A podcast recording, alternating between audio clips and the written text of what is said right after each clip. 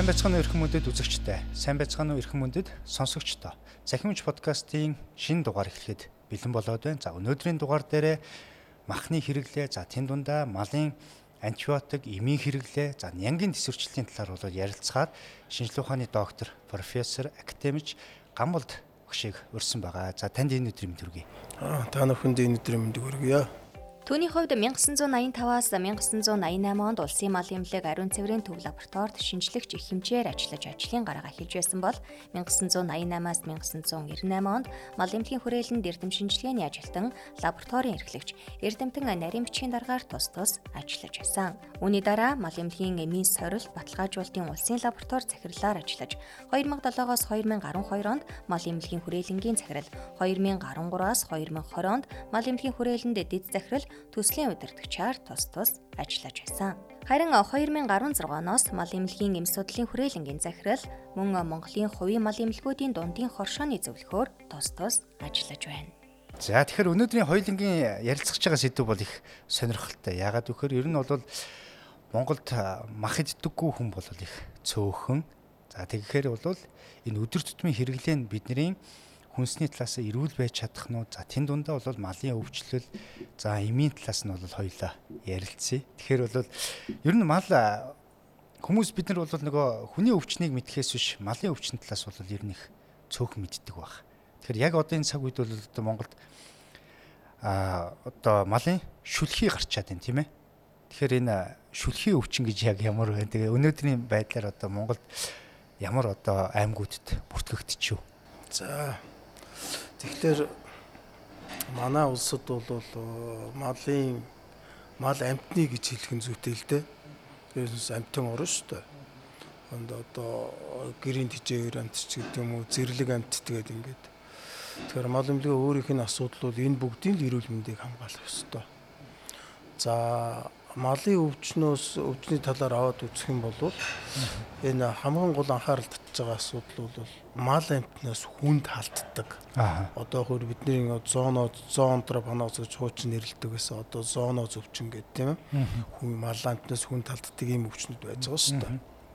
Тэгэхээр ийм өвчнүүдийн хувьд бол нэлээд одоо өнөөдрийн байдлаар манайд бол нэг 30 гаруй өвчин мал амтнаас гаралтай хүн талддаг өвчнүүд байна шүү дээ. За Тий. Энэ дотор ч юм бол нянгийн гаралтай өвчнүүд байж гэн, вирусын гаралтай өвчнүүд байж гэн, паразитын гаралтай одоохондоо битэг энтер гэдэг ингээд тийм ээ өвчнүүд байж байгаа.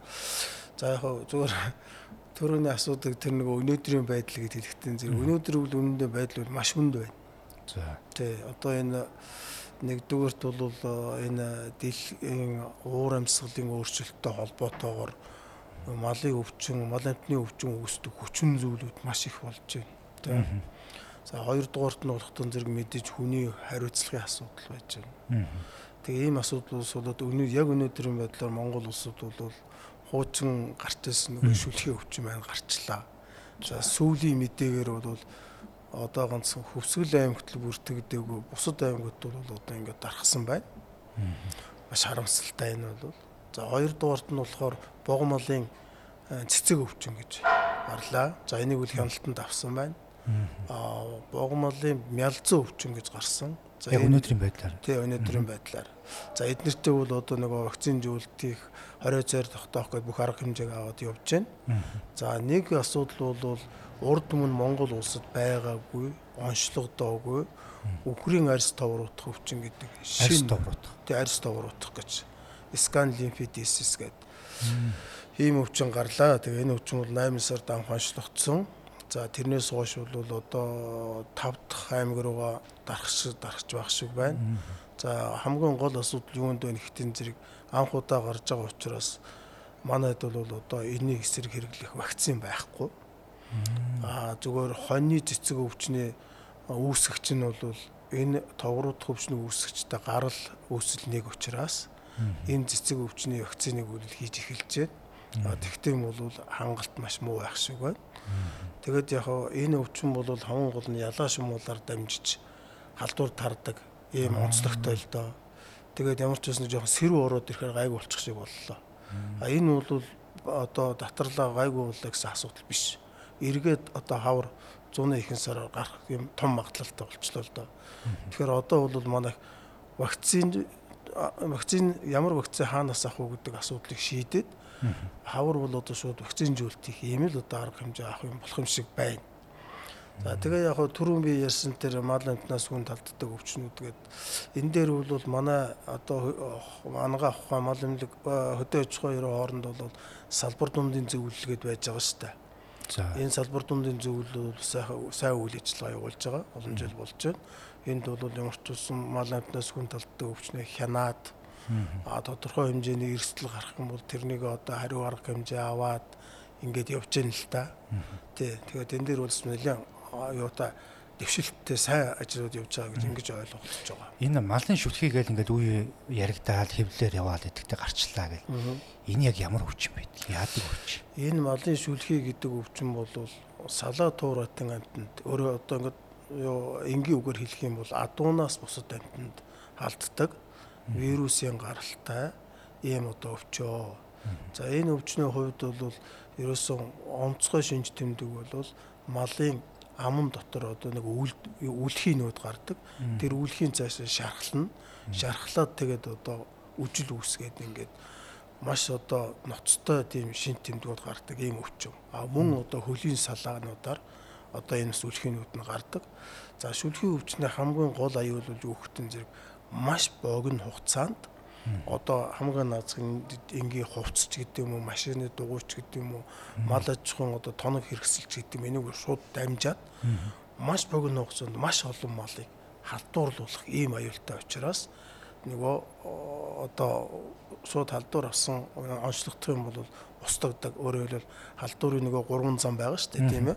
Үүсгэгч өвчлөгч тэгээд дамжуулах. Тэгэхээр энэ гурван замыг дасалж ийж сая бол одоо өвчнөөс сэргийлэх ийм л арга хэмжээ авах ёстой л доо. Тэгээ энийг бол манайх бол одоо хийж гэн. Бүх арга хэмжээг аваад явж гэн. А энд бол харамсалтай нь одоо малын хөдөлгөөний асуудал бол ерөөсөө энэ өвчнийг одоо дамжуулах, дарахах гол нөхцөл болоод байна. Ялангуяа одоо энэ жилийн сая дээр мал эмнэлгийн ерөнхий газрын мэдээлж байгаагаар бол энэ жилийн шүлхий өвчний гаралт хондо Сүхбаатар аймагт отроор явж исэн малчид эргээл явахдаа нөгөө ирсэн газар нь малчи шүлхий өвчин таарсан. Тэгэл ерөнхийдөө ингээд хөдөлгөөнөөр тарчаад им им явагдаад байна л да. Тэгэхээр энэ дээр бол бид нэр мал эмнэлгийн байгууллага ажиллахаас гадна бас манай малчид өөрсдөө энэ хөдөлгөөнийг одоо хөдөлгөөн хийхгүй байх. Мал эмнэлгийн газрынхаа зөвлөгөөнөөр аль болохоор одоо өвчнөөс тархаахгүй, сэргийлэхгүй ийм арга хэмжээнүүд л авах хэрэгтэй болж байна л да. Тэгэхээр энэ шүлхий өвчин малаас хүнд юу наалддаг юм? Шүлхий өвчин малаас амтнаас хүнд талдсан ганцхан тохиолдолд дэлхийн нийтэд гарсан.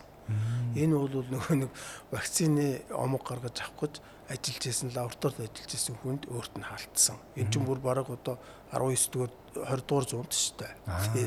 А ер нь бол хүнд хаалтсан гэсэн юм бол байхгүй. Тий. Тэгэхээр аа зөв зөв ойлголоо. Тэгэхээр одоо ингээд малдаа халдчихлаа гэхэд монголчууд ч бол малыгаа ихэмжил нь одоо эд шинд маханд их явуулаад байна шүү дээ. Тэгэхээр бид нар яг энийг үед нь идэхэд одоо юу гэдгийг нөлөө байдаг юм бол ийм талаас нь ер нь судлагдсан юм нэр. Тэгэхээр ийм байгаа шүү дээ. Ер нь бол тухайн вирус үл өөрөө нөгөө цитопатоген одоо эс эмгэгшүүлэх үйлчлэгээ гэж нэг юм байгаа шүү дээ тийм. Тэр эс эмгэгшүүлэх үйлчлэгээс нь аваад үзэх юм бол аль болох энэ салс бүрхүүлүүдийг гинтээдэг. Тэгээд цаашаа энэ одоо нөгөө хам шинжээр ингээд явдаг. А тэрнээс биш одоо бас тодорхой хэмжээний болчин маханд ч гэдэг юм уу цуллаг эрхтнүүдийг тийм гинтэх бас нэг үйлчлэл багтай нэгдүгээр. Хоёрдугаар болохтой зэрэг бол тодорхой хэмжээгээр одоо халууны боловсруулалт хийгээд гэдэг юм тийм. Ингээд одоо хүн идэхэд болвол одоо яг ид гэж энийг боловсруулад ид гэж бол зөвлөхгүй. Гэхдээ одоо шинжилгээний талаас аваад үзэх юм бол бас тодорхой хэмжээгээр хүнсэнд хэрэгжилж бол болно. Тэ ийм асуудал байж байгаа. А тэгвэл бол хамгийн ерөөсөө эн чинь нөгөө халдвар тарахаас өмнө л халдварыг тээгчийг устгахгүй бол устгах юм л арга хэмжээ одоо авч байгаа шүү дээ. Ерөөсөө дэлхийн нийтээр барьж байгаа стандарт бол энэ. Тийм учраас шууд л устгалд оруулж байгаа юм л юм байна. Зөв зөв. Тэгэхээр одоогийн шүлхийн өвчин дээр за шууд устгалд оруулчих тийм нэмжлэх хэмжлэх гэхгүйгээр тийм ээ. Урьдчилан сэргийлэхийн тулд одоо вакцинууд нь хэр одоо хийгддэг юм бол? За урьдчилан сэргийлэх арга хэмжээ манайч нь бол 1998 онд мал эмнэлэг хувьчлал. Тэгэл 99 он төвчл дуусаад 2000 оны 1 сард энэ шүлхэн өвчин гарсан шүү дээ.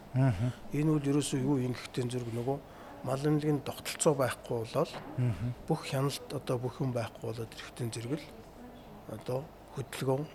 Тэгэл одоо тэр үед чинь жинхэнэ одоо гадаад харилцаа хөгжөөд эдийн засгийн улам одоо харилцааны замууд нээгдсэн тийм ээ? Одоо хил хайл гэл ингээд тэгэл тэр үед бол ингэж манай өвчин энэ өвчин бол одоо 27 жилийн дараа гэдэг баха Монголд одоо онцлогдсон шүү дээ. Тэгээд энэ өвчний шүлхийн өвчний одоо ерөөсөө сэргийлж байгаа арга хэмжээ бол вакцин дэлчин л арга байж байгаа. Тэгээ энэ хугацаанаас хойш бол манайх дандаа гадаадаас авч вакцины хийж л шүү дээ. Энтекийн вакцин хийлээ, Оросын вакцин хийлээ. А одоо бол зөвхөн өөрийнхөө вакциныг хийх бас технологи боловсруулад ингээд явж байна л да. Профессор Бацөх удирдахчтай байгаахан мал эмнэлгийн хүрээлэн дээр хийгээ явж байна. А биокомбинат дээр энийг одоо нөгөө бас технологиг цааш нь нутгшуулах ёстой шүү дээ. Тэгээд лабораторид гаргаад авсан ч гэсэн. Тэгээд тэр нутгшуулах асуудал явагдаж байна. Тэгээ энэ үл яг хийгээд ирвэл бид бас 1 2 жилийн дараа ч юм уу өөрсдөө юм чинь хүмүүст гоохгүй вакцины хийчих юм асуудал гарч ирэх байх. Зөвхөн шүлхийн өвчнөд тэмцэж ирсэн бас нэг том саадл энэ шүү дээ тий. Бид нэр өөрснөө вакцинтай байсан бол онцлоо вакцины хийлээ. Ер нь тийм юм байхгүй бас одоо нөгөө вакцина аавна чинь мөнгө төгрөг хэрэгтэй болно тий. Тэгэл одоо нөгөө үйлдвэр нь бэлэн байх үгүй юу захиаж вакцина хийлгэн гэж ингэсээр л хоног хугацаа алдсан. Гэхдээ энэ бол сүүлийн хэдэн жил бол үнэхээр вакцин жилт бол сайн хийсэ ер нь хийж байгаа. Вакцин жилт бол яг нэгдүгээрт одоо өвчин гарсан үед голомтыг хомиж вакцинтах асуудал байж байгаа. Хоёрдугаарт бол ерөөсөө с ижигтэй тийм бүсэд бол гарч болох бүсэд урьдчилан сэргийлэх байдлаар вакцины хийж байгаа. Ийм л арга хэмжээнүүд авч байгаа шүү дээ. Одоо хүн дээр жишээлбэл ингээ халдварт өвчин сэргийлэхийн тулд товлт вакцинууд хийдэг тийм ээ. Ингээ товл гаргацсан бүр ингээ нэгдүгээр тун хоёрдугаар тун. Тэрэн шиг мал дээр яг ийм товлт вакцин гэж байдаг юм. Байлгүй яг ямар ямар одоо өвчнүүдээс урьдсан сэргийлэх юу гэдэг нь товлт вакцин байдаг. Бид нар бол зөвхөн мал эмнэлгүүдээр бол товлолт гэж ярихгүй тийм ээ. Зөвхөн мал эмнэлгийн урьдсан сэргийлэх арга хэмжээ гэдгээр явчихж байгаа. Тэгээ тэнд үл юм том гарапаг байна л та. Одоо тэгэл хавар 4 сараас ахгуулаад бүх вакцинуудын тариал ингээл намар дуусгаж штэ. Тэгэхдээ энэ хооронд бол нөгөө юу байгаа штэ нөгөө вакцины өргөж юуны дархлааны өргөжлөх хугацаа тий 6 сар ихтэй бол одоо 2 удаа тарина. 1 жилийн хөл 1 удаа тарина гэдэг ингээд бүх юм арга хэмжээ ингээд явж байгаа. Энэ вакцинууд нь ямар ямар өвчнөөс сэргийлэх вакцинууд байгаа? За манай дээр бол одоо энэ хамгийн гол нь энэ ч одоо бүх өвчнийг вакцинд сэргийлээд бас боломжгүй шүү дээ. Тийм учраас өнөөдөр бол одоо манай дээр чинь шүлхий, бом, галзуу, за цусан халдварт, дотрын халдварт хордлого, за хонь ямааны цэцэг, мялзан одоо энэ тов руу нэмэгдчих шиг байна те тов руу. Тэгээ ийм одоо өвчнүүд энэ гол өвчнүүдийг би нэрлэлээ. А цаана нь бол одоо олон өвчнүүд байж байгаа шүү дээ. Энэ сая нэрлэлснүүдийг бол жил болгон хийх ёстой. Аа тэгвэл нөгөө эпидемиологийн судалгаан дараа үндэслэх ёстой тийм ээ. Тэгээ манайх чинь сая 18 он шин тогтолцоотой болоод сум булган эпидемиологчтой болсон шүү дээ. Тэгээ тэр нөхдүүд бол юмаа хийгээд за манайх бол 2020 онд ийм дөрвөн өвчний вакцин тэдэн литр тэдэн мянган тонн хийнэ гэж тийм ээ. А тэгвэл зарим аймагт чинь гардгүй өвчин гардгүй газар байгаа шүү дээ. Тэгээ тэр газар бол вакцина хийхгүй. Ийм байдлаар бол вакцин мал эмнэлгийн урьдчилан сэргийлэх арга хэмжээ явагдаж байгаа. Тэгэхээр ингээд нөгөө малын өвчлөлөөс сэргийлэхийн тулд нэг талаас бол урьдчилан сэргийлэлт бол вакцины асуудал. За одоо хоёр дахь асуудал бол малын өвчин гарчлаа. Бас эм тарианы асуудлууд яригдана тий. Тэгэхээр энэ дээр мал дээр бол хамгийн их нь одоо антибиотик гэж яригддаг. Ер нь хэдэн төрлийн эмийг ер нь малд тарьдаг юм бэ? Дааврын эмч гэдэг юм уу, антибиотик гэдэг юм уу? Тэр практикт одоо хэрэгжилж байгаа юм. Одоо ийм биш үү? Юуны англиар аваад мал эмнэлгийн эмийн англиар аваад үзэх юм бол тийм ээ урчин сэргийлэх, эмчлэх за тэгэл ариутгал халдвар гүйжүүлэлт, угаалга, туулгалт гэл ингээл явж өгнө л доо.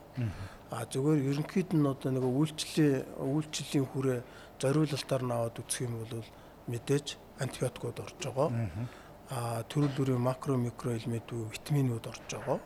За тэгээд нөгөө ариутгалын бодисууд орж байгаа.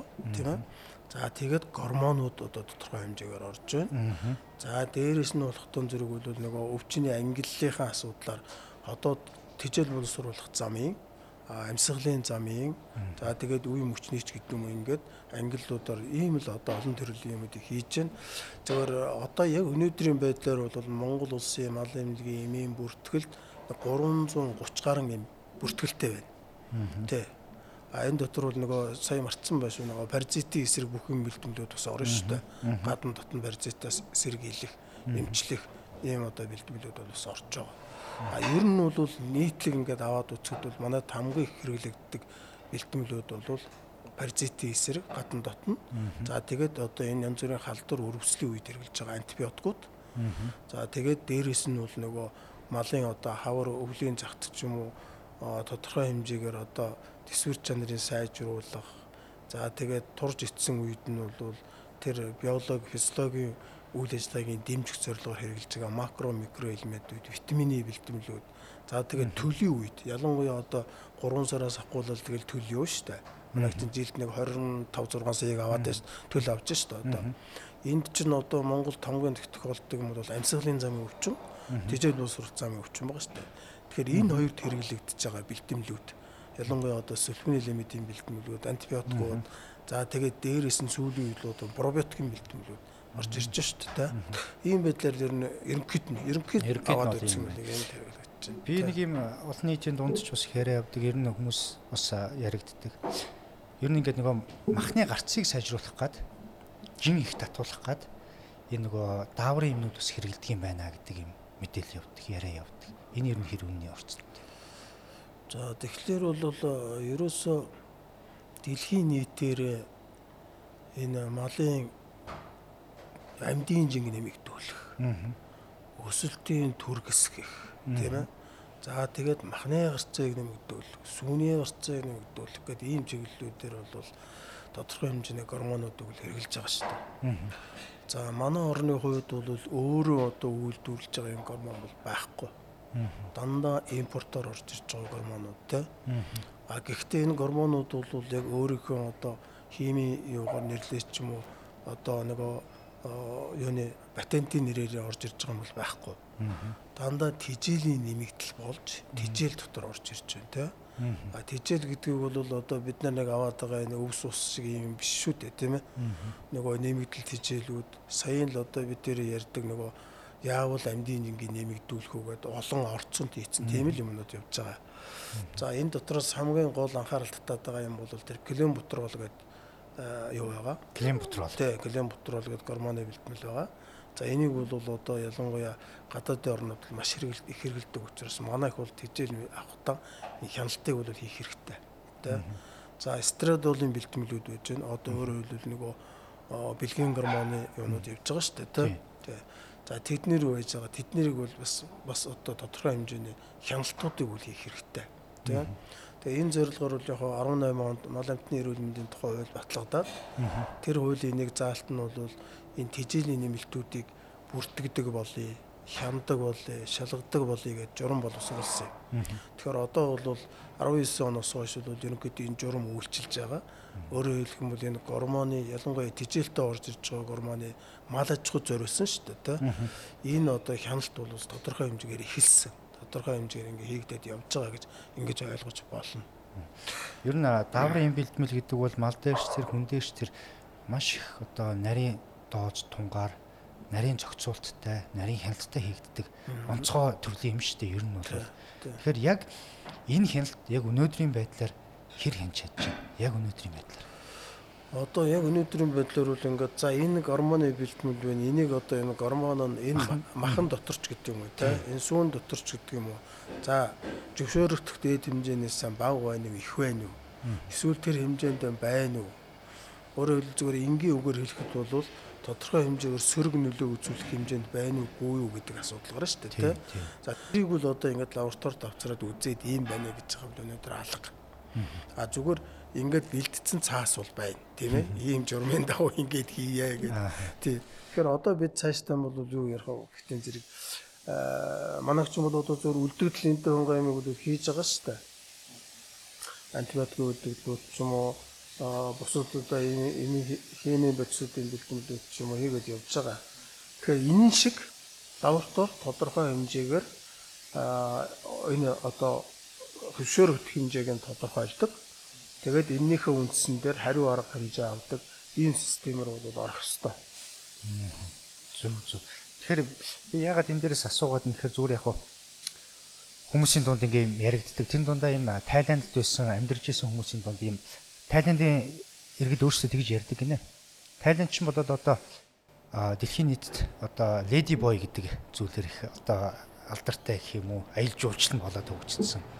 Өөрөөр хэлбэл эрэгтэй хүн эмэгтэй дүртэй болцсон тий. Тэгээ хандлага нь өөр болцсон. Тэгээд эдгээр бол ирж байгаа нь болохоор бид нэр одоо дахиа их хийснээс бидний амьдралын одоо ахуй хүнсний хэрэглээнд дахиа хийснээс энэ орж ирсэн. Ягаад гэвэл дахиа нэг дааврын одоо бэлтгэлийн одоо үлдцтэй дахиа бид нэр хийддэг байсан гэдэг ийм юм зүгээр ардын дунд яриа байдаг юм л. Энэ юу н хэр үнний ортой байна.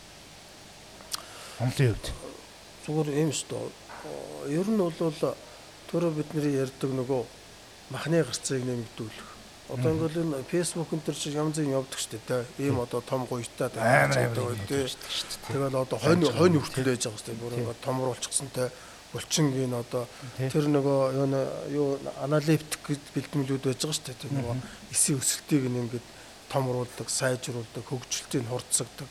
Тийм юмнуудыг л хэрэгжилж байна л да. Тэгээ тэрэнд хэрэгжилж байгаа гол зориулт дээр хэрэгжилж байгаа нь юусэн гормонууд шүү дээ. Тэгэхээр саяын өөрийн чинь ярьдаг дээр бол бас үнний хувьтай, омдын хувь те. Манайхан гэсэн бас бодгол хэрэгтэй шүү дээ энийг. Ямар одоо гормон хэрэгжилж үгүй юу? Хэрэгжилсэн бол ямар гормон хэрэгжилсэн дахиад бид нар аваад байна, тийм ээ? Эсвэл одоо ямар гормон орцтой тижээлийг бид нар хэрэглээд байна. Эн чинь хэдийгээр мал ахуй ярьж байгаа ч гэсэн бидний эцсийн зорилго юу юм гэхдээ зэрэг бидний эцсийн зорилго мал аж ахуй хөгжүүлэх биш шүү дээ. Эцсийн зорилго хүнийг цэвэр, ариун, чанартай сөрөг нөлөөгүй хүнсээр хангах ерөөсөө. Ерөөсөө эцсийн зорилго юм шүү дээ, тийм ээ. Тийм учраас өө тэр мал тэргэлтийн гэлээ тэр яах вэ гэж ерөөсөө хайж болохгүй, тийм ээ. Энд бол хяналттай байх хэвээр а тэрийг бол одоо мал эмнэлгийн байгууллага хийгээд явах хэвээр а хүнс ямар байна гэдэг хүнсний байгууллага хянаад явах хэвээр тэгээд хүн өөрөө хэрэглэх хэвээр А бас энд бол хувь хүний өөрийнх нь бас тэр одоо юу байх ёстой шүү дээ. Өөрийгөө хамгаалах ёстой. Өөрийгөө өөртөө одоо гормонгүй ч юм уу гормоны өсөлт янз бүрийн хэрэглээгүй хүнсийг хэрэглэх ёстой ийм л асуудал яваад байгаа шүү дээ. Тэгэхээр би зүгээр миний хувь хүний ажиглалт шүү. Ер нь дэлхийн нийтэд ийм дааврын юмнууд их ороод ирчих. Ганцхан Монгол гэлтгүй. Дэлхийн нийтэд энэ дахианд энэ төр маханд энэ төр те ингээ өсөж ийн бизнесээр ярих юм бол их чин татаж их гарц авч ашигын өгөөж өндөртэй байх, ашигтай байх нэг одоо зорилго байх шиг байна. Тэгээ энэний цаана дэлхийн нийтээр энэ даавартай ийм одоо төрлийн одоо хүнс хэрэглээд ирэхээр тийм сүүлийн жилүүдэд ийм их том өөрчлөлт гараад байна гэж би хараад байна. Бэлгийн чиг хандлагын өөрчлөлтүүд. Эрэгтэй хүмүүс илүү эмэгтэйлэг болдог, тэ?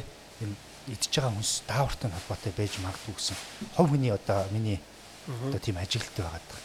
Тэгэхээр энэ бас байж болох талтай юу онлын үндэслэл тийм байх боломжтой ер юм даавар талаас хүнсээр ингээ аваад юм лээ. Та яг юм судалдаг хүний юм. Тэгэхээр зөвөр ерөнхийдөө яг ийм болж байгааг юу гэдэг судалгааны ажлуудыг бол яг өнөөдөр бид нэр үл хийхгүй байгаа шүү дээ. Тийм ээ. Зөвөр онлын талаас уншиж сонссон юм талаас аваад үзэхэд бол энэ бол үнэхээр одоо тэр гормон болвол тодорхой хэмжээнд тэр хүнсээр дамжаад тэгээд хүний одоо бодис солилцоо нөлөөлнө шүү дээ. Тэгнь Тэгээ бодис солилцоо нөлөөсний улмаас одоо өөрөөс нь одоо боловсруулагдаж идэг гормонуудад нөлөөлж шít тийм ээ. Тэгэхээр эн чинь бол нэг нь төрөлхийн гормон явж идэг. Нөгөөх нь нийлэгдсэн гормон гаднаас орж идэг тийм. Тэгээ энэ утган дээр бол энэ харилцан үйлчлэлийн юм дээр одоохондоо юу гэдэг эстрогены гормонууд болохтой зэрэг тестостероныг дарангуулдаг ч юм уу те а тестостерон эстрогены дарангуулдаг ч юм уу өөрөөр хэлбэл зүгээр энгийн үгээр хэлэх юм бол эрэгтэйлэг чанар нь илүү болоод эмэгтэйлэг чанар нь илүү болдог ч юм ийм байдлаар байх бол онлын үндэслэл бүрэн үндэслэл шүү дээ тэгэхээр бид нар бол энэ дээр өөрсдөө бодож бас гэхдээ ялангуяа энэ дээр бол одоо бид нэр биш хүнсний тал их юм бол маш сайн ажиллах хэрэгтэй л доо тийм ээ. Тэгээд давхар хяналтын асуудал. Аа хяналтын асуудал байл. Тэгэхээр би таны яриан дээрээс яг ингээд Монгол бичиг цааснууд бол байгаад байна. Тэнд дунд айн малын хяналт хяналт ингээд тодорхой хэмжээний байгаад. Яг энэ бичгийг бодиттой энд чинь ийм дэлхийн тэ байгууллагуудаас зөвшөөрөгдөх хэмжээнээс нь их байна, бага байна гэдгийг яг тодорхойлж гаргаж ирээд байгаа үнэлгээг нь хийдэг ийм зүйлүүд жоохон дутуу байна уу гэж би зүгээр ажиглаад байна. Энэ үнэн үү? Э, Ийм байна. Одоо угандаа юу гэдгийг за энэ жил Монголын мал эмнэлэг 15 нэрийн антибиотикийн одоо тандан судалгаа хийгээд дисвэрдсэн байна уу? Тийм ээ? А дисвэрдсэн бол яас ямар шалтгаалсан байна? Гэх мэт. А эсвэл за 30 нэрийн юмд үлдэгдэл тодорхойлно.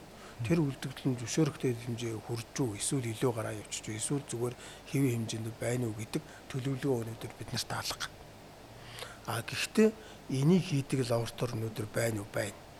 Улсын малмлыг ариун цэрийн төв лабораторид өнөөдөр 4 5 антибиотикийн үлдэгдлийг тодорхойлж байгаа шүү дээ. За. А малмлгийн хүрээлэн дээр болохтон зэрэг бол зарим нэг нянгуудын одоо хүнсээр дамжиж хүнд хордлого үүсгдэг нянгуудын дэсвэржилт ямар байна гэдгийг бас тодорхойлж байгаа шүү дээ. Тэгээ ийм одоо юунууд тодорхойсон дүнгууд бол бас байна. Өөрөөр хэлбэл би юу гэж хэлэх гээд байгаа юм гэхдээ зэрэг тодорхой хэмжээгээр бол одоо хотолцоо нь байна.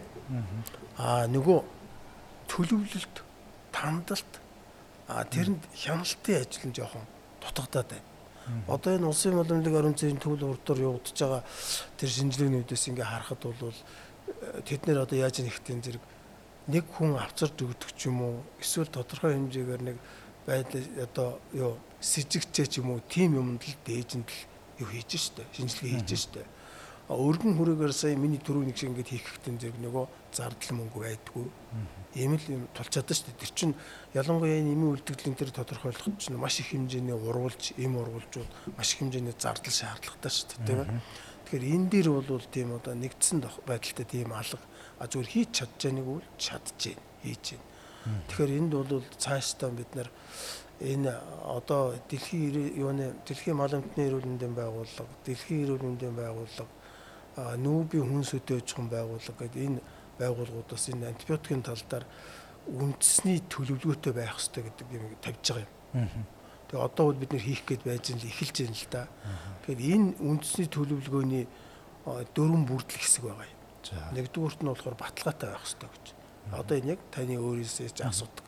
Бид нар үнэхээр өнөөдөр 15 антибиотик юм байна гэдэг баталгаатай байх хэрэгтэй. Энэ манайд байхгүй байна тий. Хоёр дугаарт нь удирдлага. Энэ удирдлага байхгүй байна. Энэ одоо саяын гурван байгууллагын рекомендацаар бол яах юм гэхдээ зэрэг хөдөө аж ахуйн яамны тэргээд зөвлөл байх хэрэгтэй юм байна. Ерөөсөө энэ антибиотикийн дисвэржилтийг хянжаадаг. Энэ манайд байхгүй. Хоёр дугаарт нь салбар дундын зүйл байх хэрэгтэй юм. Байгаль орчин, хүнс, ангаа ухаан, мал эмнэлэг бүгд ороод энийг хянжаадаг. Энэ байхгүй. Тэгэхээр удирдлагын хувьд ийм хоёр одоо бид нэр хийх хэрэгтэй. Гурав дугаар асуудал нь болохтой зэрэг бол ур чадварын асуудал. Зүрхний лабораторийн асуудал те. Дөрөв дугаарх нь болохтой зэрэг хэрэглээ, дадлал, заншлын асуудал. Тэгэхээр энэ бол нөгөө зөв технологи зөв хэрэглэх асуудал шүү дээ. Тэгэхээр эднийг ингээд одоо хараад үзэхтэн зэрэг бол манайд үнэхээр нэг хийх ёстой ажлын нэг за нэг 10% нь байна. 90% нь хийгээгүй байна. А гэтэл өнөөдөр бид нар бол ингээд байгаа шүү дээ. Мал махыг одоо гадагшны гаргахаараа гоцолдор төвчөнтэй байна гээл тэгэл уг нь бол одоо эн чинь баруун таван аймгаа чөлөө төс болгон тэгээд тэндээсээ одоо махан гаргана гэдэг ингээд сайхан явж исэн чинь одоо ингээд өвчин гарчиж байгаа. Энэ дор хэж 3 жил бол биднэрт ямар ч одоо юу байхгүй зөвшөөрөл байхгүй. Тэ. За тэгэхээр хоёр дахь асуудал юу юм гэхдээ зэрэг хэрвээ өнөөдөр манай ямар нэгэн маханд эмийн үлдэгд илэрхийл юм бол яг гоцолдорт өвчин шиг хориг тавина.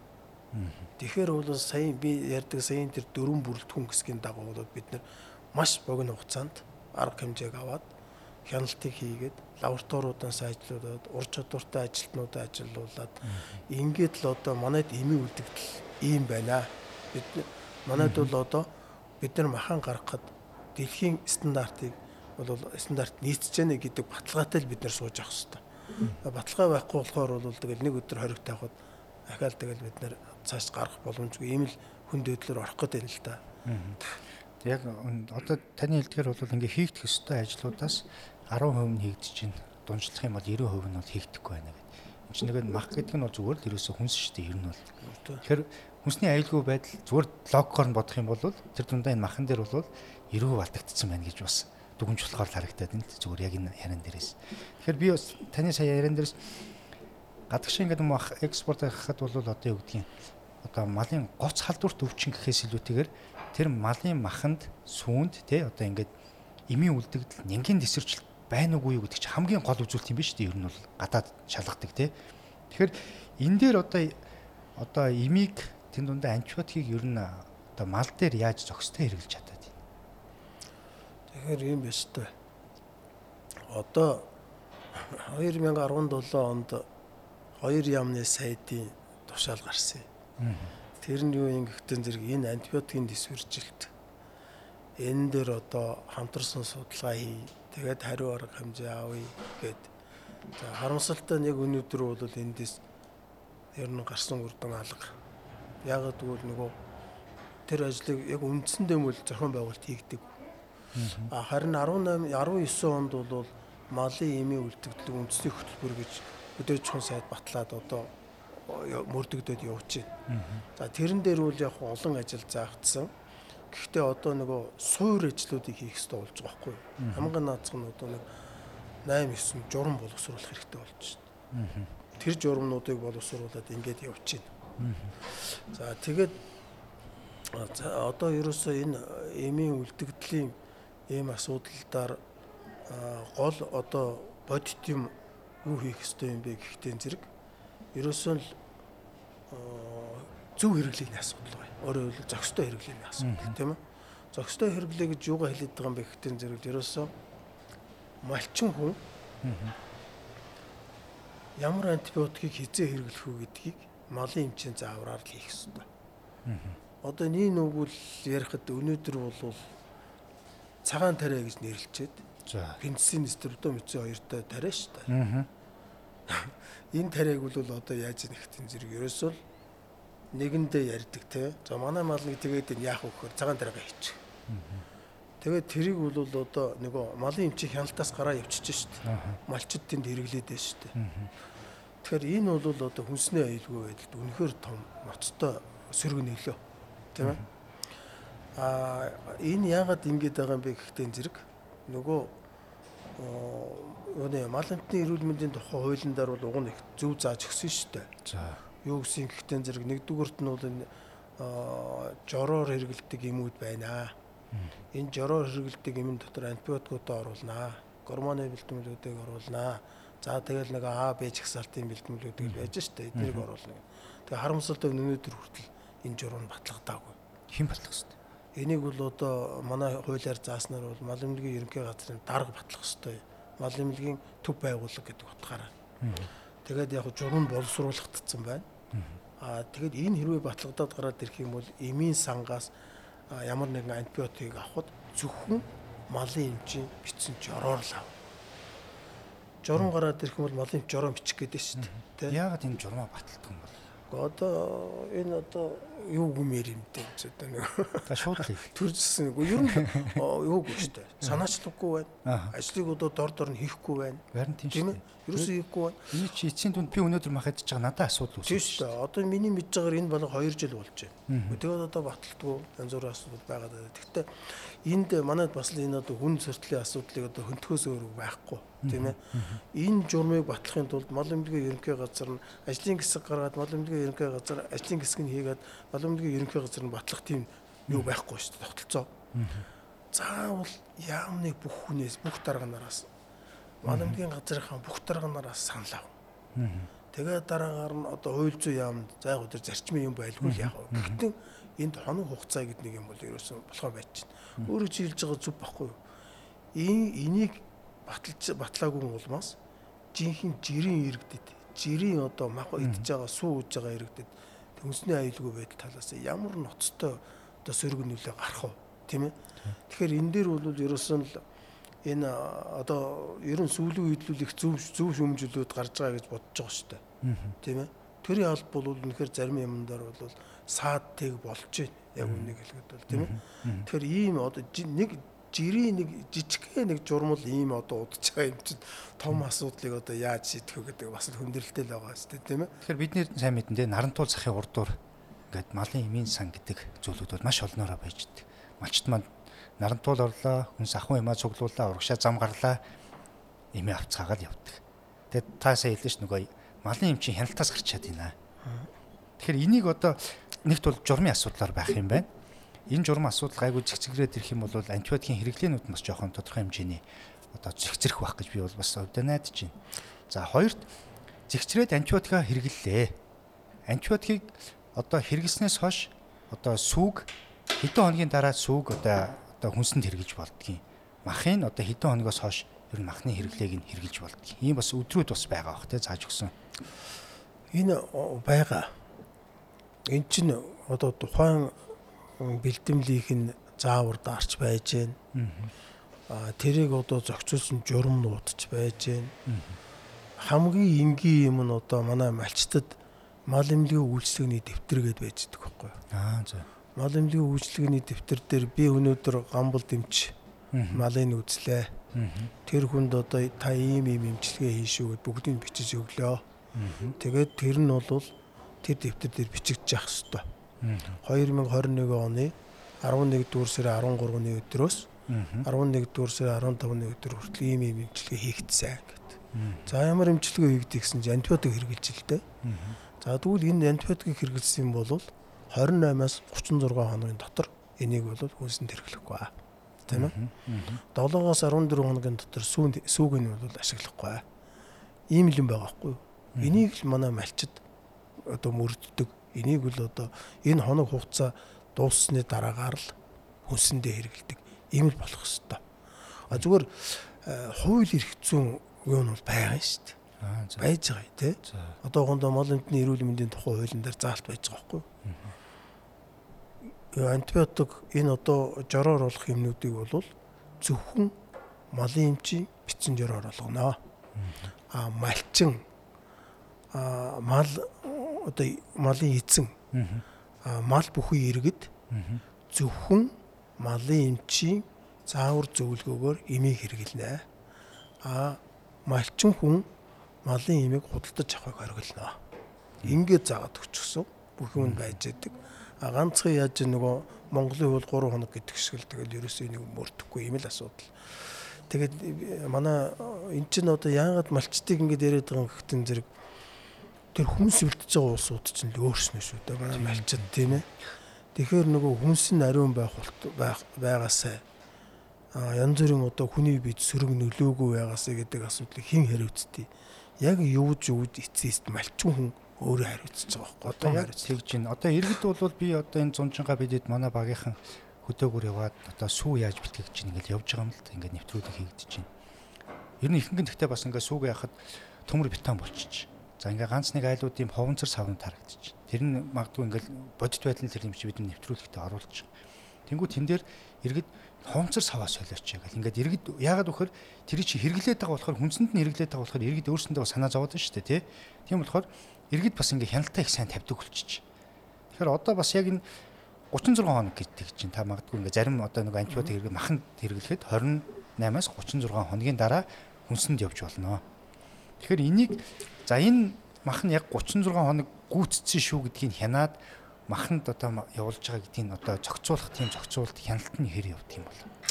Оо байлгүй яах нь одоо чинь сумандар ажиллаж байгаа хувийн мал эмнэлгийн инженер сумын дасгууд бол одоо зүгээр юуны аргаар чанарын аргаар илрүүлж байгаа шүү дээ. Аа за. Тэ. Тэнд одоо чанарын арга хийгээд э, тэгээд илэрчээв бол одоо цааш нь сэжиглөө тоон тооны аргаар зохицуулна шүү дээ тийм ээ. Тэрийг бол мэд төөхөл лабораторид хийн. Тэгэхээр тэнд бол ямар ч үс ихний хэлж байна. Гэтэ энэ бол Монгол улсын бүх аймаг бүх эмчнэрийг бол хангаагүй байгаа одоохондоо. А нэг хэсэг нь бол тэгээд явж байгаа. Энд бол нэг дүгээрт хоёрдугаарт болохтон зэргүүл бид нэр энийг энэ манай эмийн бүртгэл гэж байгаа байхгүй юу? Малын эмийн бүртгэлийн чинь асуудалтаар байж байгаа шүү дээ. За энэ эм үлдэгдэл өгдөг юм уу? Үлдэгдэл өгдөггүй юм уу? Тэ. Тэгэхээр энэ эмийн бүртгэлийн асуудалтаар бол аль болох үлдэгдэл өгдөггүй эмийг бүртгэх ёстой. А гэхдээ яг нөгөө нэг эмчин дэртэ дэргүүл одоо тодорхой нөхцөлд ямар ч байсан өвчнөөс сэргийлэхийн тулд эмчлэхийн тулд хэрэглэхээс ёстой тийм ээ. Тэгвэл бид нэр энэ нэг ийм ийм зөвшөөрөгдөх хэмжээнүүдийг л маш сайн мэддэг байх хэрэгтэй байхгүй юу. Тэгэхээр энд бол эмийн бүртгэл дээр энийг гол анхаарах хэрэгтэй. Аль болох үлдэгдэл өгдөггүй юмнуудыг бол хэрэглэх хэрэгтэй. Тэгээ би ч юм төрөө хэлээд дээ шүү дээ өөрт чинь те хэрэгцүүн хувьд бол ер нь болцоод байгаа. Яг тийм. Тийм байна. Мөрддөг энийг одоо ядахтаа мөрдөх гэж байгаа журмыг хурдан бол батлаад өгчдөг ийм л тогтолцоо дутагдаа зохицуултын асуудал. Тэгээ зохицуултын асуудал. Энийг л одоо хурдан батлаад тэгээд тэрийг одоо ингэ штэ. За зүгээр нэг журам гараад ирэхэд 100 хүний ямар ч байсан 50 нь бол мөрдөн штэ энэ чинь. Одоо амьдралдаар бол сонин штэ тий. Одоо 100 хүн 100 мөрдөн гэж вэ? Тэгтээ мөрдгөл ёстой тий. А эн чинь яаж нэгтэн зөв дүлхөц өгж штэ. Аа энэ жороор чинь ийм авах ёстой юм байна. Тэгээд би малчин хүний хувьд энэ жороор өгсөн имийг хэрэглэхээр миний малын маханд сүүнд үлдэгдэл байхгүй юм байна. А тэгээд үлдэгдэл байхгүй малаа би бол ингээд зах зээлд гаргахад энэ том баталгаа болох юм байна гэд ингээд л юмар байна л да. Тий. Гэтэ яг ажлууд бол явж байна зүгээр одоо бүх юмыг бол харлуулж бас болохгүй л да. Тий.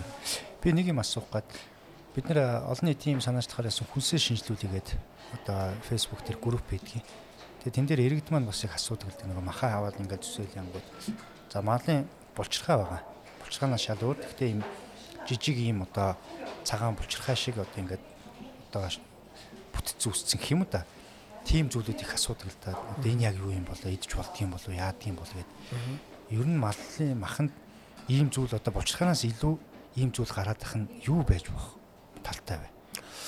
За яг энэ бол зүгээр нэг хоёр төрлийн юм байна л та. Нэгдүгüүрт нь болохтой зэрэг энэ тариагаа хэрглэж байгаа э, тариа хэлбэртэй энэ эмнүүд ч юм бол тэр малын бие шимэгдэж явах хэрэгтэй заавал тийм ээ. За тэгэхээр энэ шимэгдэлт байхгүй усны улмаас бол тэр дотор талд одоо ийм юунууд эдэбээр үсээд тэгээд тэрэн сүлдээ одоо гэртээ болоод тэгээ хатуураад ийм байдлаар үүссэн байж магадгүй. Гэхдээ энийг бол бид нэр тухай үзэх хэрэгтэй шүү дээ. А хоёр дахь асуудал болохтой зэрэг бол эн чин малын булчинд нь байна уу? Эсвэл одоо юу цуллаг эрхтэнд нь байна уу гэд үзэх хэрэгтэй тийм ээ. Тэнд чинь нөгөө янз бүрийн одоо бас тодорхой хэмжээний өвчнүүд байж байгаа шүү дээ. Тийм ээ. Одоо хонд нөгөө булчингийн хоорондор хооронд байж байгаа феноз гэдэг өвчин байж байна Аа одоо бидний одоо сайн мэдх битг битгийн төрлийн юмнууд байж байна те. Тэгэхээр энэ дээр бол яг хөхтэн зэрэг нэг ерөөсөө нь бол тэр мал эмнэлгийн үйлчлэгийг бол үйлчлэгийг бол хийх хэрэгтэй. А гэхдээ ихэнх тохиолдолд бол энийг бол нуух юм байхгүй. Шимэгдэлт муу хийгдээд нөгөө тариаг тарихтаа технологи алдаа хийгээд арьсан тарих гэжсэн юм булчинд байдаг ч юм уу те.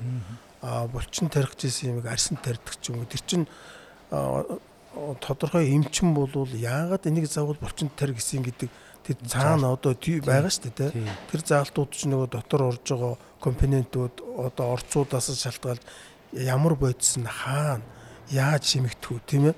Эсвэл нэг хэсэг нь зүгээр одоо ингээд эсэд шимэгдээд явцдаг байж болно. Нэг хэсэг нь цусаар заавал цаашаа дамжих байж болно тийм ээ. Тэгэхээр тэр технологиг алдахтаа зэрэг нөгөө гад хэсэг газар бас л одоо бидний буглаа гэж ярьдаг штэ тий. Одоо тэр чинь нөгөө стапилокок, стрептокок гэл халдварууд яваад байгаа штэ тийм ээ. Одоо хүний гатхтай л адил юм шүү дээ тий. Тэгээ тийм байдлуудаар бол үсэж байгаа. Тэгэхээр энд бол одоо энэ манай махкомнедүүд ч юм уу мах үлдэж байгаа газар чинь дандаа л малын үзлэг хийж байгаа дээ. Тэгэхээр тэр үзлэгийг хийгээл энийг үл хүсэнд оруулахгүй л байх хэрэгтэй л дээ. Зөв зөв. Тэгэхээр бол их нарийн юмнууд байгаа. Тэгээ би бас одоо энэ дэр хоёул ингээ нэгт болоод им бол маханд бас зарим тохиолдолд үлддэг юм байна. Үлдэгдэл гэдэг том асуудал яригддаг юм байна. Тэгээ энийг бол одоо маш сайн хянчих хэрэгтэй байна гэдэг ийм ойлголт бууж байна. Аа тэгээ дээрэс нь ер нь энэ эмнүүд хаана хаана үлдэх боломж байдаг юм. Ганцхан махандаа байдаг юм уу? Өөр газруудад нь эмийн үлдэгдэл үлдчихдэг юм уу? За ийм эмийн үлдэгдэл гэдэг асуудал бол хоёр ядаар ойлгох хэрэгтэй. За нэгдүгürt малдан өөртөө үлдэгдлэг нь амьд малд гэсэн үг шүү дээ. Аа. Хоёрдугаарт нь болохтон зэрэг бол тэрнээс авж байгаа түүх иддэг гэж байгаа. Аа за. Тэгэхээр малд үлдэж байгаа эмийн үлдэгдлийн ихэнх юу үлдэгдэл бол юунд илэрчээ ихтэн зэрэг хамгийн нэгдүгээр булчин маханд. Аа за. Одоо бид нар зөвөр мах гэж ярьдаг тийм. Ийлэг, дэлүү, бөөр, уушиг гэдэг одоо таван зүйл хэрэгтэй. За тэгээд хамгийн бас нэг одоо их үлдэгдэл бол энэ Тижээ боловсруулах зам юм. Одоо өөрөөр хэлбэл гид содод нэг хэсэг үг тийм ээ. Савст бүрхүүлүүд. За тэгээд ясанд. За нэг хэсэг бол өөхөнд. Ингээд аваад үзэхтэн зэрэг бол зүгээр ёо одоо энэ арьс юунд л үлддэг болохоос Ноосноос бусад юмд л үлдэглэл өгч байгаа. Тийм. Тийм за үлдэгдэл өгөхдөө ингэн энэ нэг тариа байж. Энэ одоо юмикийн бэлтгэл. За. Энэ юмикийн бэлтгэлийн үндсэн үйлчлэгч болсон авир мэгтийн. Мгм. Тэр авир мэгтийн бол За. Авир мэгтийн өөрөө дотгошоо дотгошоо ороод бодис солилцоонд ороод тэгээ нөгөө фармакогенетик динамик гэдэг одоо ингээд хөдөлгөөнд зөөвөрлөгдөөд тэгээд нөгөө эдисээр дамжаад ингээд явна штэ. Тэр үедээ авир мэгтийн Б1 эсвэл бета бета 1 альфа 1 гэсэн одоо нэгдлүүдэд дахиад задарч штэ. Тэгэхээр нэг би саяын жишээг юу гэж хэлж байгаа гэхтэн зэрэг яг хэрэгэл үйлчлэгч бодис нь үлдэхээс гадна үүш бодин цаашаа задраад дахиад үлдэгдэл үүсэж байгаа. За энэ ямар аюултай юм гэхтэн зэрэг бид нар ингэдэг штэ ямар нэгэн бактери ч юм уу вирустэй одоо түүх үедийг тодорхой хэмжээний гараацд халаагаад буцалгаад ингэхээр үл өвчин тийм ээ. А гэтэл энэ үлдэгдлийг тэгж халаах юм бол ахаад цаашаа задарна. Ахаад бүр задраад ахаад бүр хортой нэгдэл болоод ингэ явдаг. Тийм учраас үлдэгдэл өвтөө махыг л ерөөсөө хэрэгжилж болохгүй. Тэгэхээр одоо Энэ дэлхийн нийтийн шаардлага бол ерөөсөө байна. юм л. хэрэг үлдэгдэлтэй бол бид нар одоо махаа сайн болгодог юм чинь гайгүй болчих юм билүү гэсэн бодож бол. Энэ яг эсрэг бүр асуудалтай Тийм шүү дээ. одоо нянг бол алаад хэрэгжилж алжиж болж Тийм, шүү дээ. А гэтэл энийг үлдэхгүй. Цаашаа бүр ахаад өөр нэгд болоо задраад явдаг. Ахаад өөр үлдэгдэл өгдөг учраас энд бол хэрвээ үлдэгдэлтэй л байх юм бол бид нэр хэрэглэх боломж байхгүй. Ийм л асуудал байж байгаа тий. сайхтар юм байна. Одоо ингэнгүүт нэгт эмийн үлдэгдэл байна. Хоёрт нөгөө антибиотикийн замбрааг хэрэглэнс болоод нянгийн төсвөрчлөлт гэдэг маш том асуудал үүсч эхэлдэг тий. Одоо ингээд хүмүүс над руу ингээд асуудаг байхгүй ингээд хатаг гарчлаа юм чи. Ингээ амар олон дахиад ийн. Тэгээ нянгийн өсвөр хийлгээд мэдрэг чанарыг үзсэн чинь эмерса гэдэг юм гараад ирлээ. Мэтцлийн резистанс стафилококк аурус гэдэг. Тэгээ энийг ингээд эмчнэр яхаар одоо антибиотикууд нь үр дүнгүй өөхөө байлчлаа гэдэг. Энэ бол нөгөө бидний хийлээд идэг антибиотикийн зохисгүй хэрэглэнээс болоод нянгийн төсвөрчлөлт өгөөд эн чинь эцсийн дүндээ ямар ч юмд дарагдахгүй ингээд зовж шүү гэдэг л ийм зүйлүүд ер нь бол дэлхийн эрүүл мэндийн байгууллага ийм том аюул байгаа болохоор л энийг одоо зохицуулаач ээ одоо зохистой байгаач ээ гэдгийг тал талаас нь яриад шүү дээ тий. Тэгэхээр бид нар нэг ойлгохтой бол антибиотикийн одоо энэ нянгийн төсвөрчлөлттэй байдлыг бол бид нар өнөөдөр эмийн сангаас ороод нэг эмээ аваад эмчийнхаа завраар хэрэглээд за зохистой хэрэглэх нэг талын асуудал. Бидний хяналтгүйгээр тэр махнаас ч бас ирээд байгаа нэг асуудал байгаа тийм тий. Тэгэхээр та энийг талаас нь гоё тайлбарлаж өгч. Тий энэ одоо ч дэлхийн нийтээр ерөөсөө нэг эрүүл мэнд гэдэг асуудал яригдчихэж штэ. Энэ юу юм гэхдээ зэрэг ерөөсөө л мал аж ахуйд мал аж ахуйг сайн хөгжүүлж мал аж ахуйгаас эрүүл бүтээгдэхүүн авах юм бол хүний эрүүл мэндийг хамгаалж чаднаа л гэсэн ерөнхийд нь хэлэх юм бол ийм л асуудал шүү дээ тийм ээ. За антибиотиктэй холбоод ярий. Антибиотиктэй холбоод ингэж ярихтан зэрэг бид нар ингэж байгаа юм л да. За хүнд одоо ямар нэгэн антибиотикийн одоо диспержилт үүссэн байна. Өөрөөр хэлбэл нэг мэдрэг чанараар ингэж үздэг шүү дээ тийм. Гэхдээ зэрэг за энэ энэ надд бол одоо ванкомици хэрэггүй юм байна. Надд бол цефалоспорин хэрэгтэй юм байна гэл надад юу байгаа эмч дэрий чинь сонгоод эмчилгээг хийж байгаа дээ. Тийм ээ. А гэтэл хүн дахиад нэг төсвөржилт үүсэх зам нь юу юм гэхдээ зэрэг мал тэргэлж байгаа антибиотик төсвөржилттэй босон нь хүний малаас малын одоо махаар сүүгээр дамжаад хүнд ирэхтэй зэрэг нөгөөх нь янз бүр хуримтлал үүсгээд. Одоо өөрөлдвөл нэг ийм төсвөрцөн нөхөр тэр малаар дамжаад бүтээгдэхүүнээр нь дамжиж явж байгаад нэг биш нэг хэсэг болох нь шүү дээ тэ. 100 ч юм уу одоо 200 ч юм уу? А тэгээд тэрийг одоо хүн хэрэглэлээ. Хүн хэрэглэхдээ зэрэг хүнд хоримтол үүснэ шүү дээ. Тэний бид орж ирнэ. Тэгтэл за ванкомицин гэж бодъё. Хүн ванкомицин хэрэглэлээ ахаад нэмэгдэнэч ингээд олон нэмэгдээд ороод ирэхдээ зэрэг нөгөө нян ванкомицин чинь нөгөө дотор байж байгаа нөгөө дисперчин ян чинь нөгөөхөө үйлчлэлт өртөхгүй. Ингээд төсвөржилт үүсээд өөрөөр хэлбэл юу гэж хэлэх гээд байгаа юм гэдэг зэрэг малаас хүнд дамжиж хүний антибиотикийн төсвөржилт үүсэж байна. За энийг бол яасан гэхдээ зэрэг нэг би хэлээд байгаа юм биш үү? Дэлхийн нийтээр баталцаад байна тийм ээ. Ванкомицины нэгдлүүд ингэсэн гэж байна. Би нэг жишээд өртөө л да. Одоо энэ хүм малын гидсэнд үйдэг энтеробактериуд байж байгаа шүү дээ тийм. Тэгээд ингээд ванкомициныг хийгээд малдаар үзэхдээ зэрэг төсвөржилт гарахгүй За. байхгүй байгаад байдаг. А тэгэнгүүт нь хүн дээр үзэхдээ зэрэг төсвөрчсөн байж байдаг. Энэ яаж байгаа ингээд ингэсэн чинь малаар дамжаад хүн сэргэлж исэн хүнд очиод энэ төсвөрчд үүсгэж байгаа. Тэгэхээр бид нар бол нэг юм бодох хэрэгтэй. Ерөөсөн зөвхөн нэг ийм антибиотик уугаад хүн төсвөрчд үүсдэг юм бишээ. Тийм ээ. Энэ ахаад өөр зам байна шүү. Ялангуяа малын гаралтай түүх үедээс орж ирж байна. Тэгэхээр энэ дээр бол за энэ малын гаралтай түүх үед нь антибиотик байдгийн гэлээ төсвөрчд үүсгэдэг гинлээ гэж бас сенсац хийгээд хэрэггүй. Тийм ээ. А энд бол ерөөсөө л малд ямар антибиотик хэрэглэх вэ? Хүнд дамждаг антибиотик уу, дамждаггүй антибиотик уу гэдгийг л ялгаж сая малын эмчилгээ хийх хэрэгтэй. Тэгэхээр нэг юм бодох гэж байгаа хүн өөрийгөө эмчлэх биш. Энэ малд ямар эмчилгээ хийвэл би ирүүл байхаа гэдгийг бодох гэдэг шүү дээ, тийм ээ. Тэгэхээр ийм инжин гэлхээ энд гарч ирээд байгаа юм. За жишээлбэл одоо сүүлийн үед үл ингэж штэ цефалоспоринууд хинолын бүлгүүд гэдэг ийм антибиотикууд байдаг. Энэ антибиотикууд болохтой антибиотикууд болохтой зөв хүнд маш их төсвөржид үүсгдэг юм байна л да. Тэгэхээр одоо энийг мал эмнэлэгт хэрэглэхийг хориглох гэж штэ. Яг хөвтөн зэрэг хүнд үүсгээд байгаа юм чинь малаар дамжин тийм учраас хүнсээр дамжин тийм учраас малдаа хэрэглэх юм байчаад тэгэхээр хүнийхээ төсвөржилтийг багасгая гэдэг ийм асуудал гарч ирээд байна штэ. Тэгэхээр энд бол антибиотикийн төсвөржил нь л да нэгдүгürt юм байж байгаа. За хоёрдугаарт нь болохтой зэрэг бол ерөөсөө антибиотикийн төсвөржилт юу юу юу яагаад байгаа юм гэхдээ зэрэг маш их хэмжээгээр тийм ээ одоо тонгоор хэрэгэлдэг. Нэгдүгээр хоёрдугаар нөгөө давтамжийг алдчихж шít. Тийм ээ давтамж алдаад хэрэгтэн зэрэг ингээд хэрэглээд байна. За нөгөө талдаа болохтой зэрэг бол энэ тэжээлийн одоо малын тэжээлүүд байж Малын тэжээлүүд дотор ч одоо нөгөө түрүү нэгтэй гормонтолоос адилхан шүү дээ. Өсөлтийг дэмжих зорилгоор хэрэгжилж байна. За зарим өвчнийг эмчилгээнд хэрэгжилж байна. Зарим өвчнийг сэргийлэхэд хэрэгжилж байна, тий. А зарим одоо төл жижиг малыг бол өсөлтийн дэмжих хурдан ийм байдлаар хэрэгжилж байна.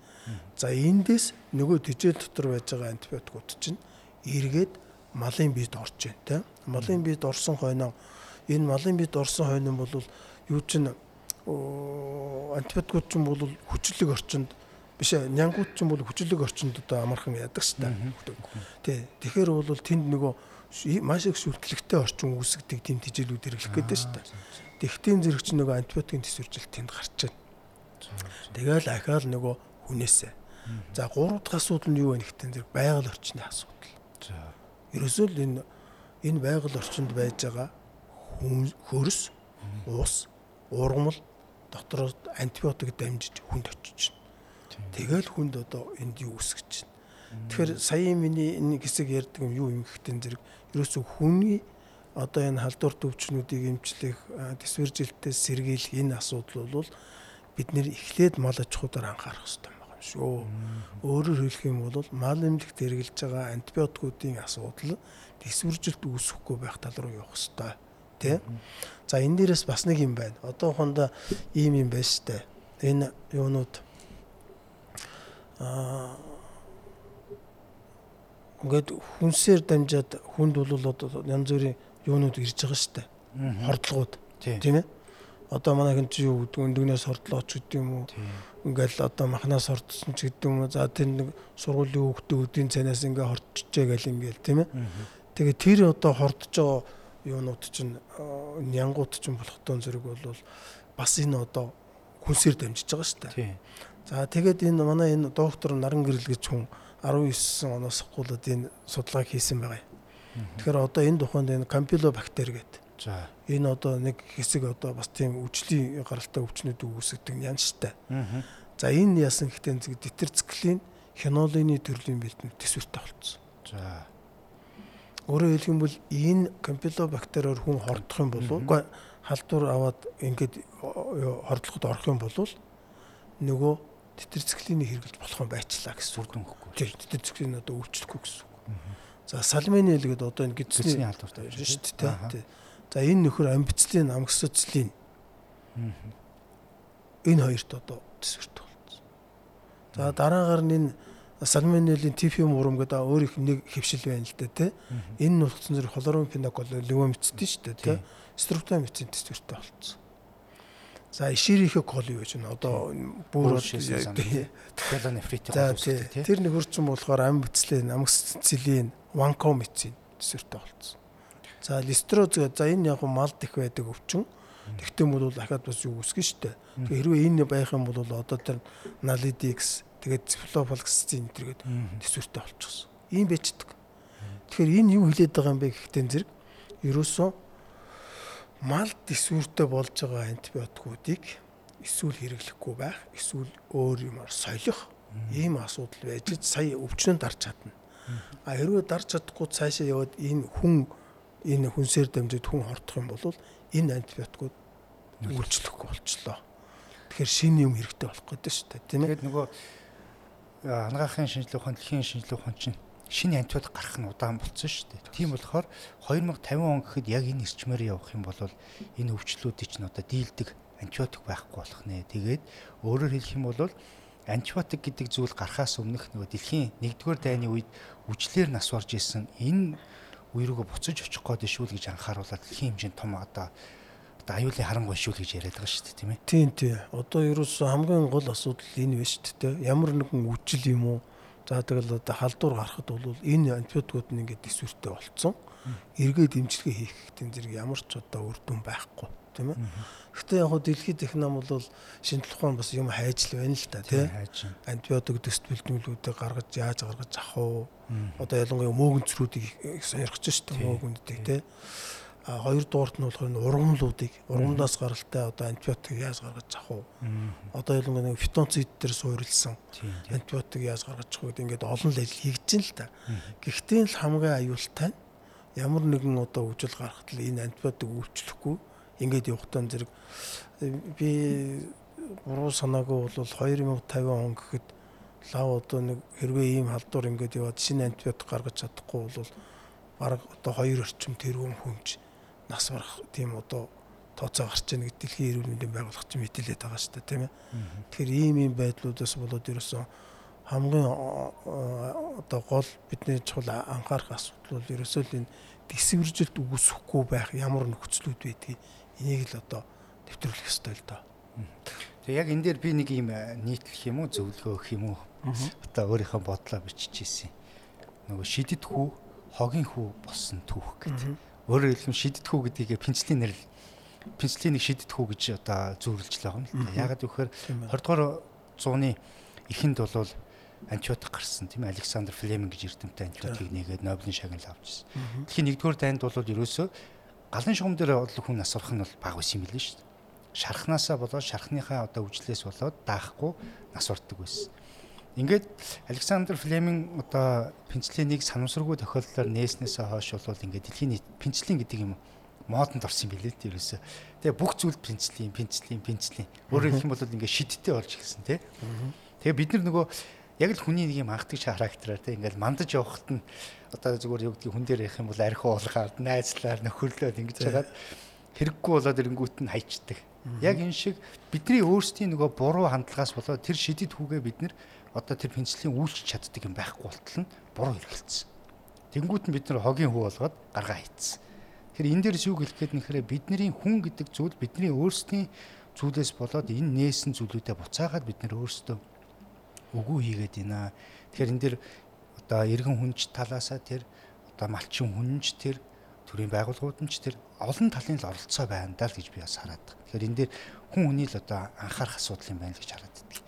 Тийм шүү дээ. Энд бол одоо би түрүүс нөгөө цагаан тариаг л одоо бензин структур мөчний үг л ингээл тариад байна гэж шүү дээ. Одоо тэгээд энэ чиг сони асуудал шүү дээ. Дэлхийн нийтийн бензинийг За яг тодорхой хэмжээнд хэрэгжилж байна л та тийм. Ерөнхийдөө багассан шүү. Тэгээ багассан шүү дээ. Одоо үйлчлдэг юм байхгүй. Тийм байхгүй болчихно. Одоо нэг тийм. Тэгэхээр нөгөө малчин нөгөө хэдийгээр тариад байгаа цаана үйлчлэхгүй байх шүү дээ. Харин тийм. Тийм. Нэг сони асуудал байхгүй. Тэгэхээр бид нэр одоо цаашдаа бол энэ тэр малчууд бол ерөөсөө л малын эмчийн хэлснээр л одоо шинэ үеийн антибиотикууд орж ирж байгаа шүү дээ. Энэ антибиотикуудыг л одоо хэрэглээч гэдэг юм хэлмээр байгаа байхгүй юу? Зөв зөв. Тэгэхээр өнөөдөр бол бас одоо гамал профессортой болвол бидний ер нь явж явж ганцхан мал аж ахуй гэдэг зүйл чинь тэнд нэг амтэн одоо мал өсгөөд үржүүлээд ингээд байгаа зүйл ерөөсөө биш байна. Өнөөдрийн бидний хүнстэй холбоотой, эрүүл мэндтэй холбоотой шууд юм асуудал байна шүү гэдгийг л бас их үзэг сонсогчд маань их ойлгож байгаа бах. Тэгээд ер нь одоо бас та яг энэ сэдвээр яг бодож явдаг зүйл за дээрэс нь яг ийм ийм зохицуултууд хийчихвэл бас гоё болох гээд юм да. Цэгцэрх гээд юм да гэдэг зүйлийг та сүлд нь хэлж өгөөч. Аа за. Тэгэхээр ерөөсөө түрүүн би нэг ярьсандаа гоцолдур төвчин 20 зэр тавиад байгаас гадна одоо бидний өмнө тулгарч байгаа юм бол энэ үеийн үлдэгдлийн асуудал гэдээ яриад байна шүү дээ тийм ээ ялангуяа антибиотикийн асуудал. Тэгэхээр яг өнөөдөр л би энэ антибиотиктой холбоотойгоор л нэг 2 3 юм хэлчихье гэж бодлоо. Нэгдүгüүрт нь болох тон зэрэг бол ерөөсөө энэ манай мал эмнэлгийн одоо салбарт болвол энэ антибиотикийн дэсвэржилт ямар хэмжээнд байна. Ямар антибиотикын дэсвэржилт үзүүлээд байна. Эсвэл үзүүлэх одоо тийм хэмжээнд хүрчихв. Тийм ээ. Энийг одоо өргөн хэмжээгээр тандах хэрэгтэй. Тандаж судлаад тийм ээ. Тэгээд хэлэх хэрэгтэй. Зүгээр манай зарим дарга нар бол тийм яриад идэм л да энийг одоо ярихдаа зэрэг ингээд улсууд буруу ойлголт өгч байна гэх шиг тийм ээ. Одоо хор хор талаас нь яриад байна гэх шиг. Тэгэхээр энэ үл биш. Бид нэр энийг мэдэж авч ээж баталгаатай болгож ээж нотлоготой болгож ээж тэгээд дараагийн бодлого хийх ёстой шүү дээ. Тэгээд бодлого хийгээд за хоёр дахь асуудал нь юу юм гэхтэн зэрэг лабораторийн хүчин чадлыг үл дээшлүүлэх ёстой. Одоо тийм ээ? Түрүүн би хэлээд дээ шүү нэг хаяа нэг ирсэн дээжин дээр юм уу эсвэл өөргөө өөрснийхөө нэг санаагаар авсан дээжин дээр л хийгээд дээ шүү энэ биш. Энэ одоо лабораторийн хүчин чадлын хэмжээ нь 21 аймагаас ядахтаа жилдээ нэг 3 удаа дээж авчдаг зардал нь хэрэгтэй байхгүй тийм төсөвтөн суулгаж өгөөд зардлыг гаргаж өгөөд ингээд явах хэрэгтэй тийм ээ?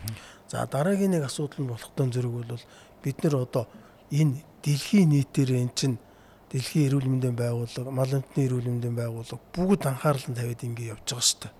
Тэгэхээр ерөөсөө манай хөдөө аж ахуй яамны мал эмнэлгийн бодлогын гол цөм нь бол энэ антибиотикийн дэсвэржилтийг л одоо хяналтанд авч явах хэрэгтэй тийм ээ.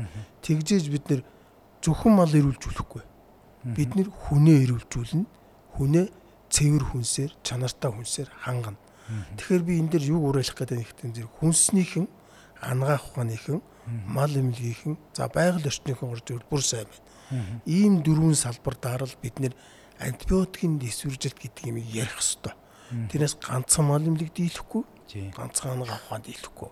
Тэгэхээр энд бол салбар дундын энэ том бодлого үндэсний том төлөвлөгөө гаргаж ажиллах хэрэгтэй байна гэдгийг хэлэх гэдэг. Нэг эрүүл мэнд гэдэг шүү дээ. Тий, нэг эрүүл мэнд. Ерөөсөн тийм л юм ярьж байгаа шүү дээ. Энд дээр одоо ч тийм ээ. Тэгээ одоо энд чинь бас ингээд анхаарат байгаа нь одоо нүүбийн одоо хүнс хөдөө аж ахуйн байгууллага бол одоо бас удахгүй одоо нэгэн төсвөрчлөлтийн 7 хоног гэл одоо тал талын мэдээллүүдийг өгөхөөр бас ажиллаж байгаа юм билий. Тэгэхээр энэ бол ганцхан одоо яг таны хэлдгээр нэг байгууллага их бол ерөөсөө биш. Ганц улс орны асуудал биш биш. Олон улсын асуудал. Тийм олон улсын асуудал. Тэгэхээр энэ болгон дээр бас иргэд маань аж ахуй нэгж байгууллагууд маань, малчид маань, төрийнхэн маань бүгд яахгүй бол бид нар өөрөөр хэлэх юм бол ирээдүйдээ юу үлдээх гээд байна. Өнөөдрийн одоо бидний зүйлүүдээсээ болоод тийм ээ өнөөдрийн үйл ажиллагаанаас болоод гэдэг л ийм асуудал байгаа даа шүү. Тэгээ ямар ч сан одоо их сонирхолтой байлаа. Тэгээд нэг юм асуучмаар байна.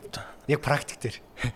Тэгээд дуусгая гэж бодоод байна. Тэр юу гэхээр манай эрчүүд ер нь ингээд нөгөө а адуу хөнгөлөх үеүүдээр их явдаг. Хонь хураа адуу хөнгөлөөл юм ухаар засаа их иддэг. Шууд одоо түүхийгээр нь халуун дээр нийтэх юм бол тамир тэнхээ орно гэдэг. Энэ нэг талаасаа тэр тамир тэнхээ оруулах нөлөө байна уу? нөгөө талаасаа тэр цус нүчтэй ингээд идэх нь эрүүл ахуй талаас ямар эрсдлүүдийг өгөөд? Энийг яг ирчүүдэд зориулж хэлье гэж одоо тэгээд дуусгая гэж бодоод зүгээр ганцхан төмсөгч биш л дээ тий. Янз бүрийн одоо малын гаралтай юмнууд байна шүү дээ. Тий ингээд цус мос уух гал тий.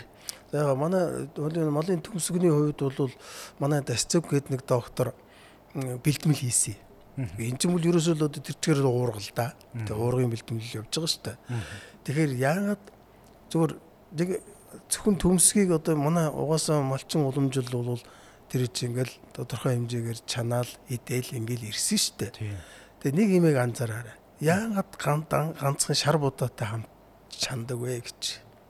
Тийм ээ? Ер нь тийм шүү дээ. Шар будаатай чандаг штэ. Тэ? Тэгэхээр тэр уургын саармжуулт явуулж шүү. Тэнд тодорхой хэмжээгээр тийм ээ? А нэгдүгээр, хоёрдугаард ерөөсөө эн чинь тэр уурга бол мэдээж хүний биед ороод тодорхой хэмжээгээр тэнд дэм тус үзүүлэн солилцоонд орно тийм ээ А гэхдээ уурга бол одоо өөрөө юм бол мэдж байгаа тийм ээ. Гадны уурга орж ирээд бид бол ямар нэг байдлаар л тодорхой хэмжээний сөдөөлт өгдөг, өдөөлт өгдөг тийм ээ. Тэгээ энэ утгаараа бол бас тодорхой хэмжээгээр болно. А нөгөө утгаараа үнэхээр амтны гаралтай. Ер нь биологийн зүйл гэж ойлгоё л доо тийм. Мэдээж дотроо ямар нэг хэмжээний бичил биетнүүдийг агуулж л байгаа. Тийм учраас бол тэрийг одоо тодорхой хэмжээгээр ариутгах ч байдаг юм уу тийм ээ. Тэрийг заавал одоо бодис шүрс гэж хэлээгүй шүү дээ. Өөр арга зөндөө шүү дээ. Халууны арга байж гэн тийм ээ. Уурын арга ингээ пицгийн арга, химийн арга нь. Тийм байдлаар бол заавал одоо ариутгах жоох. Тэгэхгүй л тодорхой хэмжээний одоо өвчин бол дамжин дээ. Одоо том жишээ дүрдэл дээ. Бүрцлээ зөвцөн малын. Эн чинь бол энэ хонь хонь ялангуяа хуцны төгсгөр дамждаг. Бүр өөрөө одоо эпидемит гэдэг нэртэй тийм одоо өвчин байж штэ. Тэ. За гих мэтэр одоо сүүлийн үед бас Монгол чинээр орж ирсэн нийлүүлгийн өвчин гэдэг адууны өвчин байна. Тэгээ энэ өвчин бол бас л одоо энэ яг энэ үржлийн замаар ингэж явдаг ийм гих мэтэр ингэж ярих юм бол энэ ийм аюултай.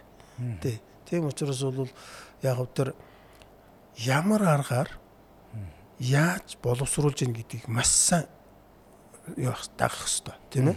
А тэгээд энэ ерөөсөө энд ямар нэгэн ер нь энэ дэлхийд даяар чинь тэртээ дөрвөл одоо бүхэл хэдэн сая хэдэн миллиард юу бичил биетэ явж л байгаа шүү дээ тийм ээ. А тэрийг зүгээр эмгэг төрүүлэгч мөн үү биш үү гэдгийг бас бодгол ёстой л доо.